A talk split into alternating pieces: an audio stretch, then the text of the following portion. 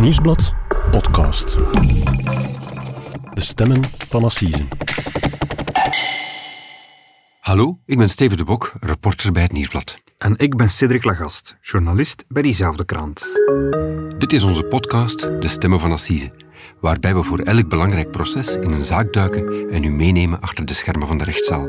En dit keer hebben we het over een 30 jaar oude moord op een 11-jarige jongen, gepleegd door een notoire Vlaamse oplichter. Een verhaal dat misschien na al die jaren nog een staartje krijgt.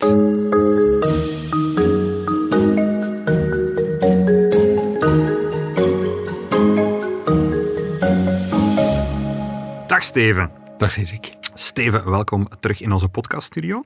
Je bent hier niet voor de eerste keer, je bent hier al een paar keer geweest, want we kennen jou natuurlijk als de reporter die het assiseproces uh, over de aanslagen op de luchthaven van Zaventem en metrostation Maalbeek volgt. Dat klopt. Ja, een proces dat al maanden loopt, waarvan deze week nog gezegd is dat het uh, plots 10 miljoen euro meer zal kosten dan begroot. Ja, dat proces loopt nog altijd. Uh, ze gaan onverstoord verder en ze hopen ergens in de loop van juli te kunnen eindigen. In juli? Dus juli. in de zomervakantie? In de zomervakantie. Hopelijk in juli. Oké, okay, maar vandaag zit je hier voor nog een andere reden. Uh, je bent hier omwille van een trieste verjaardag, vrees ik. Dat klopt, ja. De dertigste verjaardag van de moord op een, op een jongetje in Frankrijk. Een jongetje van elf. Ontvoerd op een parking van de supermarkt en meegenomen. Mm -hmm. Een moord gepleegd door een Vlaamse man. Jij hebt daar eerder deze maand uh, een artikel over geschreven in onze weekendkrant, in onze weekendbijlage nu. Ik, ik moet eerlijk zeggen, het was een zaak die ik niet kende. Ik had er eigenlijk nog nooit van gehoord. En toen, toen wij bij de Stemmen van Assise dat verhaal in de krant lazen, dachten we, we moeten Steven in de studio uitnodigen om dat te komen toelichten. -hmm. Wel, het is inderdaad een zaak die voor veel mensen een onbekende zaak was. Het is ook al heel lang geleden, 30 jaar geleden. Maar het gaat wel over een man, Willy van Koppernolle, een Vlaming, -hmm. een Gentenaar meer bepaald. Een, een, bijzonder markante figuur. Een man die heel zijn leven lang een hele reeks misdrijven heeft gepleegd, heel veel keer veroordeeld is. Voor diefstal, voor oplichting, heel vaak voor zedenfeiten. Tot hij finaal in 1993 zijn zwaarste misdrijf pleegde, de moord op een jongetje van elf. En ja. sindsdien zit hij in een Franse gevangenis. Ja. De man zit al 30 jaar in de gevangenis dus. Hoe komt het dan dat dat verhaal nu opeens opnieuw de kranten haalt? Wel, omdat Frankrijk heeft heel veel onopgeloste zaken, heel veel cold cases. En er zijn stemmen die zeggen van misschien heeft Willy van Koppernolle nog niet al zijn geheimen opgebiecht. Misschien heeft hij, vooraleer hij die, die moord pleegde op dat jongetje, wel ook andere moorden gepleegd. En nu willen ze dus het leven van Willy van Koppernolle helemaal tegen het licht houden om te kijken of daarmee nog andere misdrijven kunnen worden opgehelderd. Het Franse gerecht heeft dus eigenlijk een onderzoek geopend naar Willy van Koppernolle om te, zeker te weten dat, of hij nog andere zaken gepleegd heeft. Ja, dat klopt.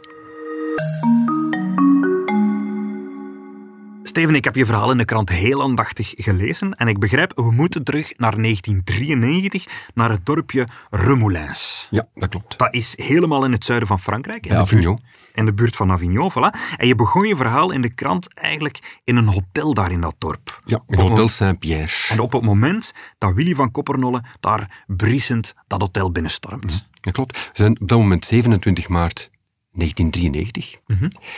En s'avonds komt Willy van Koppernolle, het hotel waar op dat moment al enkele dagen verblijft, heel kwaad binnengestormd met het verhaal dat hij is bestolen. Een zakkenroller is er vandoor gegaan met zijn portefeuille. Dat is vervelend. Dat is heel vervelend. Hij maakt ook heel veel kabaal erover. Zoveel kabaal dat de hotelbaas hem zelfs uh, een beetje geld leent.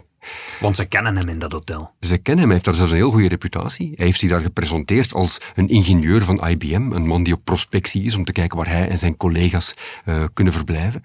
En IBM op dat moment in de jaren 90 het hippe bedrijf van de tijd. Dus Mhm. dat brengt wel een reputatie met zich Zeker. mee dan. En hij, hij verblijft er ook onder een valse naam. Dus mensen zien hem daar als een, een belangrijk man. Eh, iemand die hen veel geld kan opbrengen. Een graag geziene gast, zullen we maar zeggen. Maar dat hij daar nu plots een scène maakt, dat is niet zonder reden. Nee, Willy van Koppernolle, zijn hele leven bestaat uit oplichten. De hele tijd door vertelt hij verhaaltjes aan mensen. Probeert hij gratis te verblijven, probeert hij gratis te eten. Ook nu. Ja, en dat je die dag is 27 maart 1993, dat is ook niet toevallig, want er is die dag nog iets opmerkelijk gebeurd daar in, in, in het zuiden van Frankrijk. Ja, 27 maart is in Frankrijk een, een belangrijke dag, een opmerkelijke dag. Dat is de dag waarop er een jongetje van 11 in een dorp nabij Avignon spoorloos verdwijnt. Abdel heet hij, ehm, een jongetje van Marokkaanse afkomst. Uh, hij verdwijnt die dag op een parking in de, bij een supermarkt. En niemand heeft enig idee waar hij naartoe is. En wat denken zijn ouders dat er gebeurd is? Goh, ja, zijn ouders denken dat, dat hun, hun zoontje ontvoerd is. Zij denken, zoals veel ouders uh, zouden denken misschien, dat er losgeld zal worden gevraagd. Ze zitten bij de telefoon te wachten tot er een telefoontje komt van de ontvoerder. Mm -hmm. Maar er komt niks.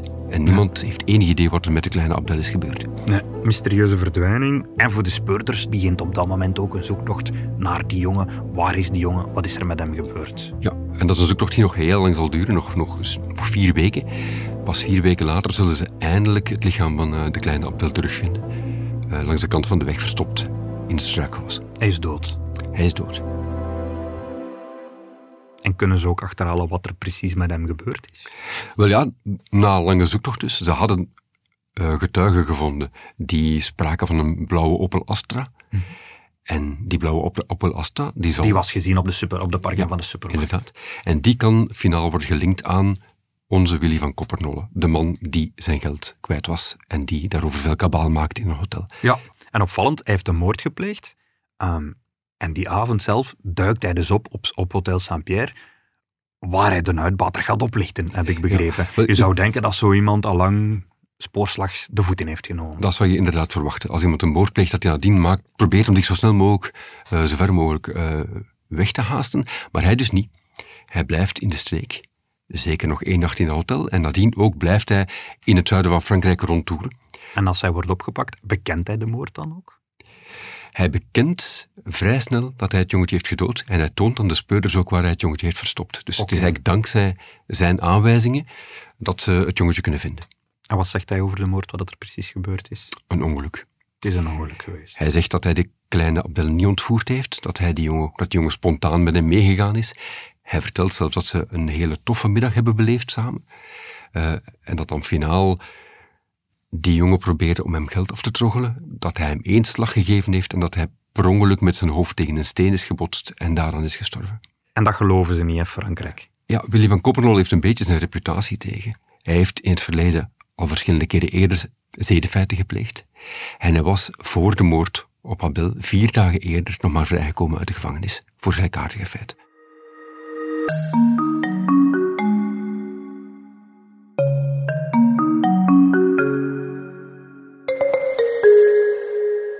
Steven, er stond bij je artikel ook uh, een foto van Willy van Koppernolle in de krant. Uh, we zullen die foto ook op onze Instagram-pagina posten. Ik moet zeggen, die foto, dat beeld van Willy van Koppernolle, dat wringt precies een beetje uh, met het verhaal dat we hier horen. Dat begrijp ik. want hij ziet er niet uit als een verwaaide gangster of zo. Je zou hem zo geld lenen eigenlijk, ja, wat dat veel mensen ook gedaan hebben. Het, het, is een oudere, deftige man, in kostuum, zijn haren strak achteruitgekamd. Ik, ik had eerder een indruk dat het een, een, typische minister uit de jaren tachtig was. Dat was het beeld ja, dat je van hem hebt. Als daar lijkt hij inderdaad wel wel op. Hij is op dat moment ook al 51 jaar natuurlijk, op het moment van, van de Assisezaal. En hij ziet er inderdaad niet als een gangster uit. Nee. Uh, ik denk dat dat ook een van de redenen is waarom hij zoveel mensen heeft kunnen oplichten, omdat hij een geloofwaardige ingenieur, een geloofwaardige uh, computerspecialist kon neerzetten. Zo zou een topman van IBM in de jaren 90 er, er hebben kunnen uitzien, ja. denk ik dan. Maar voor alle duidelijkheid, hij was het niet. Nee, en waar komt hij vandaan? Hij komt uit Gent, zeg. Hij komt uit Gent, ja. Hij is geboren in een, in een heel kroostrijk gezin uh, in Gent. Hij is geboren in 1943. Hij was de jongste van een gezin van... De tellingen variëren een beetje, maar sommige mensen zeggen 16, uh, 16 kinderen. Dat is flink. En zijn ouders zijn nadien naar Ronse verhuisd. Maar er is heel weinig bekend over zijn jeugd. Heel zijn jeugd is zo omgeven met een, met een mist. Ik, ik vermoed dat hij daar wel zelf wel over ondervraagd is, dus dat hij wel heeft kunnen vertellen. Ja, als er nu één iemand is die je moeilijk kan geloven, dan is het wel Willy van Koppernolle. Okay. Ik heb zelf twee heel uh, verre familieleden nog kunnen vinden in het Gentse, maar ook zij konden eigenlijk helemaal niks zinvol vertellen over wat er in zijn jeugd is gebeurd. Nee. En wat zegt hij daar dan zelf over, over die, over die jeugd? Hij zegt dat hij als, als jong kind, als een kind van zes, al in een uh, internaat, uh, in een klooster is terechtgekomen, nadat zijn, uh, zijn vader was veroordeeld in de gevangenis was gestopt. Hij vertelt ook dat hij in zijn jeugd is misbruikt. Ja. Eén keer door een geestelijke en dan enkele jaar later nog een keer door een magistraat, door een vrederechter. Mm -hmm. um, hij heeft een aantal familieleden die in het klooster zijn getreden, dat weten we ook. Maar voor de rest is er heel weinig over hem bekend. En zijn vader is veroordeeld. Um, zegt hij. Zegt hij. Maar je zou zeggen, de appel valt niet ver van de boom. Want hij is, heeft zelf ook een aantal veroordelingen opgelopen, begrijp ik. Dat klopt. Dus hij zegt dat zijn vader is veroordeeld wegens incest. Dat is volstrekt uh, niet te controleren. Mm -hmm.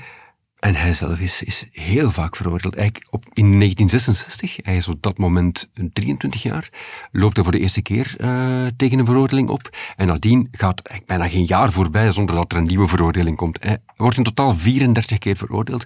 Dus niet alleen voor zedenfeiten. Dat is een fors strafblad. Absoluut. En waarvoor wordt hij allemaal veroordeeld dan?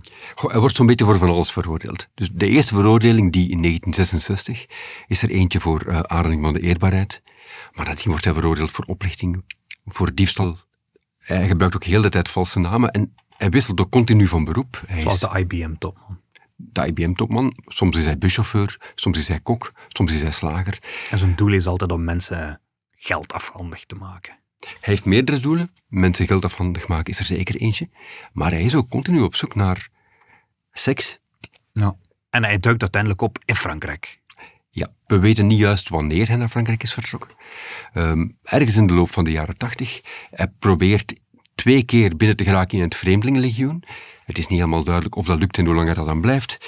Hij verblijft ook een tijdje in Marokko. Hij blijft een tijdje in Spanje en in Griekenland. Mm -hmm. En finaal in 1989 weten we dat hij opduikt in een hotel in het Franse Montélimar.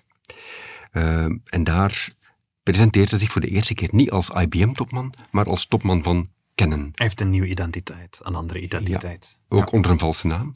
En wat hij doet, hij is op zoek daar naar jongens die hij computerles kan geven. Oké. Okay. Als IBM-topman of Canon-topman uh, is dat een normale dekmantel, denk ik, maar hij heeft misschien andere bedoelingen. Het is alles in de geloofwaardige dekmantel. Mm -hmm. Hij slaagt erin om twee politiemensen te vinden die voor hem leerlingen gaan zoeken. En die politiemensen die laten zelfs hun eigen kinderen op computerles komen. Ja. Alleen zal later blijken dat Van Koppernolle helemaal geen computerles geeft, maar die lessen misbruikt om die kinderen te misbruiken. Dat is een pijnlijke vaststelling, zeker voor die politiemensen. En ook voor het Franse gerecht wordt het een heel pijnlijke vaststelling. De feiten zijn zo zwaar dat ze hem aanvankelijk voor assise willen brengen, waardoor hij een heel lange straf zou krijgen.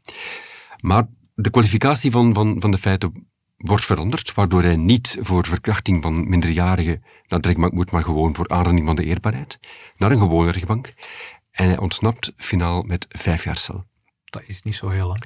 Dat is niet zo heel lang. En hij zal die straf ook niet helemaal uitzitten. Uh, in de gevangenis gedraagt hij zich blijkbaar voorbeeldig en hij komt voorwaardelijk vrij na enkele jaren, uh, wegens goed gedrag. En dat is het moment waarop hij een auto zoekt, een nieuwe valse identiteit aanneemt, naar Hotel Saint-Pierre rijdt en daar, vier dagen na de vrijlating, pleegt hij de moord op de kleine Abdel.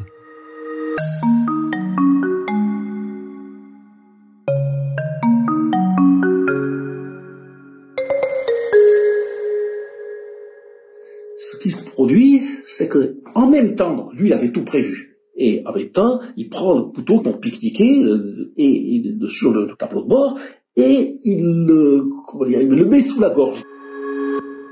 Steven, we horen hier een man, een Fransman, Pierre, die eind vorig jaar getuigd heeft bij een lokale Franse krant, omdat hij ook slachtoffer was van Van Koppernolle. En Pierre is ook iemand die later de speurders toch een cruciaal spoor heeft aangereikt in heel het onderzoek. Wel, dat klopt, ja.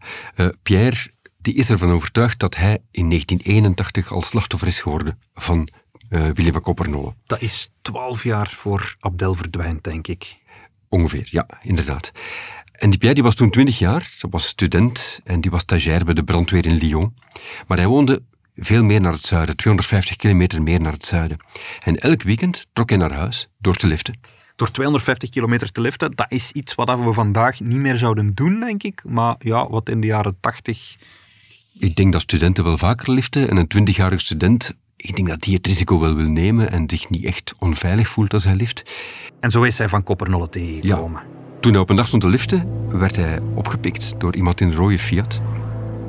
Aan het sturen zag hij een keurige zakenman. Geen reden om zich zorgen te maken, denk ik. Uh, een man die hem een lift aanbood. Maar onderweg reed hij niet naar de plek waar hij moest zijn, maar hij draaide een afgelegen weggetje in.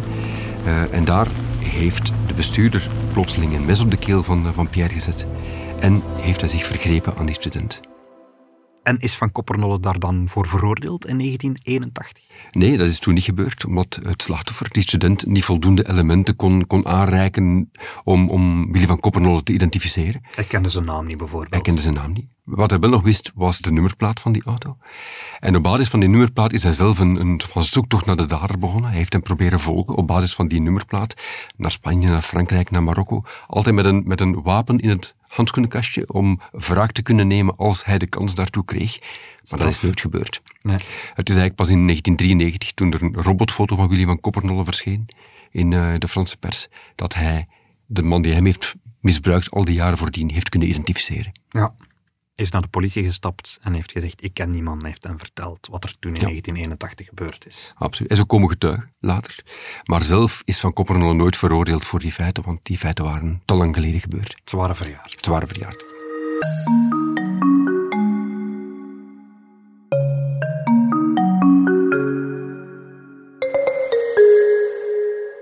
Steven, in 1989 is Willy van Koppernolle nog aan Assise ontsnapt. Maar deze keer, in inderdaad. 1993, voor de dood van Abdel, zal hij er niet aan ontsnappen. Deze keer moet hij wel voor het Franse Hof van Assise verschijnen. Inderdaad. Ja. En dat gebeurt in 1995, twee jaar na de dood van Abdel, komt hij voor de assise jury in het Franse Nîmes.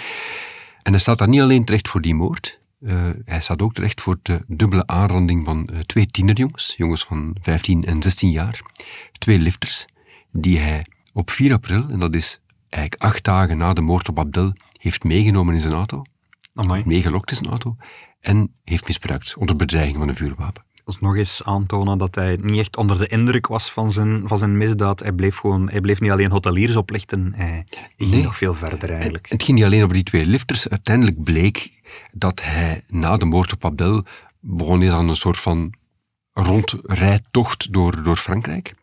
En elke dag opnieuw nam hij lifters mee in zijn auto en hij probeerde die altijd te bewegen om seks te hebben met hem. En, die twee lifters, ehm, waarvoor hij ook terecht staat voor Assise, wat is daar precies mee gebeurd? Wat hebben zij meegemaakt? Het zijn twee jongens, twee tieners, eh, die waren uitgegaan, die waren naar een dansing geweest en die wilden terug naar huis. En hij heeft hen zien staan, eh, aan de kant van de weg. Hij heeft die meegenomen, ook weer een weggetje ingereden, zoals in 81 zou zijn gebeurd met die student toen. Ehm, hij heeft een wapen boven gehaald en heeft ja, die, die twee jongens verplicht om eerst seks te hebben met hem, seks te hebben met elkaar. Eh, het grote verschil is eh, met Abdel, is dat die twee jongens niet vermoord zijn, die zijn kunnen gaan lopen. En ze hebben heel precies kunnen vertellen wat het er aan overkomen is. En dat geeft natuurlijk ook een blik en inzage op wat er met Abdel zou gebeurd zijn. Ja, het maakt alleszins het verhaal van Willy van Koppernolle dat hij de kleine Abdel niet misbruikt heeft. Dat hij dat gewoon, had hij meegenomen had voor een gezellige middag, zonder te specifieren wat dat dan moest betekenen. Ja, het maakt gewoon heel duidelijk wat er met de kleine Abdel gebeurd is. en wat vertelt hij op zijn proces dat er precies met Abdel gebeurd is? Het verhaal dat hij vertelt is dat die jongen vrijwillig bij hem ingestapt is in een auto. Ehm, waarom specifieert hij niet dat ze samen een gezellige middag hebben gehad? Hij vertelt het ook zo dat het misschien een beetje raar kan klinken, maar dat het een, een toffe middag was. Eh, en op het einde van, van die middag is het op een of andere manier tot een conflict gekomen. Heeft hij die jongen één slag gegeven, is hij gevallen, per ongeluk met zijn hoofd tegen een steen, en zo is hij gestorven. Ja. Dat is een verhaal dat weinig waarschijnlijk klinkt, zal ik zo maar zeggen. Maar, maar het is ook moeilijk om hem tegen te spreken. Goh ja, je kan wel zeggen dat niemand dat gelooft, dat verhaal. Het probleem is alleen, op het moment dat hij de speurders toont waar het lichaam van die jongen ligt, eh, zijn er vier weken verstreken. Eh, dat lichaam is voor een groot deel vergaan. Er zijn wilde dieren die delen van dat lichaam hebben, eh, hebben aangetast. En ze kunnen gewoon niet meer wetenschappelijk aantonen dat die jongen misbruikt werd. En hoewel al die speurders overtuigd waren dat dat gebeurd is, hebben ze hem daarvoor dus niet kunnen vervolgen. Nee. En hoe gedraagt hij zich in de rechtszaal? Als iemand vol, vol spijt of, of totaal niet? bizar is misschien wel de juiste term. Het lijkt alsof er elke dag een andere Willy van Koppernolle in die assisezaal zit. Eh, hij draagt andere kleren, hij verandert zijn verklaringen eh, elke dag opnieuw, hij, hij spreekt anders. Het lijkt wel alsof er verschillende Willy van Koppernolles zijn die dan elke dag van plaats wisselen in, eh, in die assisezaal. Maar goh, de psychiater die komt getuigen, die omschrijft hem heel erg eh, onverbloemd als een perverseling. Iemand waarvoor eigenlijk geen therapie bestaat, maar iemand die wel heel goed weet wat hij doet, heel goed weet dat wat hij doet verkeerd is, en die dus toerekeningsvatbaar is en gestraft moet worden. Ja. En wat is uiteindelijk dan de conclusie van de jury? Wat is eh, het verdict? Ik denk dat de jury er niet lang over moest twijfelen. Eh, William Koppernolle heeft levenslang gekregen. En in Frankrijk wordt er dan een termijn bepaald die zeker moet worden uitgezeten.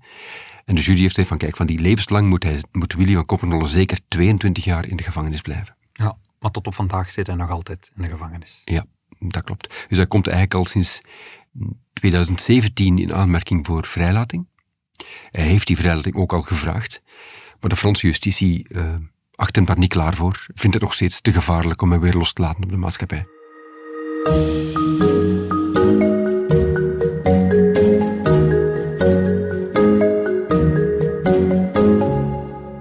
C'est un individu qui était odieux, mais vraiment, euh, il n'avait rien d'attachant, aucun remords, aucun regret.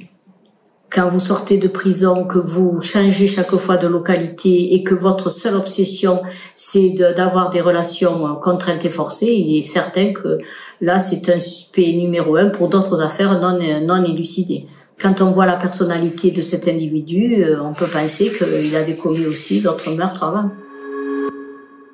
Steven, horen hier advocaat uh, Paola Bellotti, een Franse advocaat die op het assiseproces in 1995 uh, de tieners Frank en Christopher verdedigde. Mm -hmm, dat zijn die twee uh, tieners die zijn kunnen ontkomen aan, aan Van Koppernolle. En, en, zij vertolkt hier eigenlijk een gevoel dat de laatste jaren bij heel veel mensen in Frankrijk leeft. Namelijk, ze zegt hier, als we de personaliteit van die man zien, dan kun je alleen maar denken dat hij nog meer moorden moet gepleegd hebben. Ja, dat gevoel bestaat absoluut in Frankrijk. Vooral door de manier waarop hij gereageerd heeft na de dood op Abdel. Dus hij vermoordt die kleine jongen en nadien leidt hij zijn leven alsof er niks aan de hand is. En dat laat mensen vermoeden dat er mogelijk voordien al andere moorden zijn geweest, die niet opgehelderd zijn, die niet aan hem toegeschreven zijn. En men wil nu absoluut proberen te achterhalen of die moorden toch niet kunnen worden gevonden. Ja. En men heeft het dan vaak in de artikels over les disparus d'Isère. Wat zijn les disparus d'Isère? Oh, les disparus d'Isère is een, een streek in Frankrijk en daar zijn in de periode tussen 1983 en 1996 twaalf kinderen, jonge mensen verdwenen, jongens en meisjes, zaken mm. die nooit opgehelderd zijn.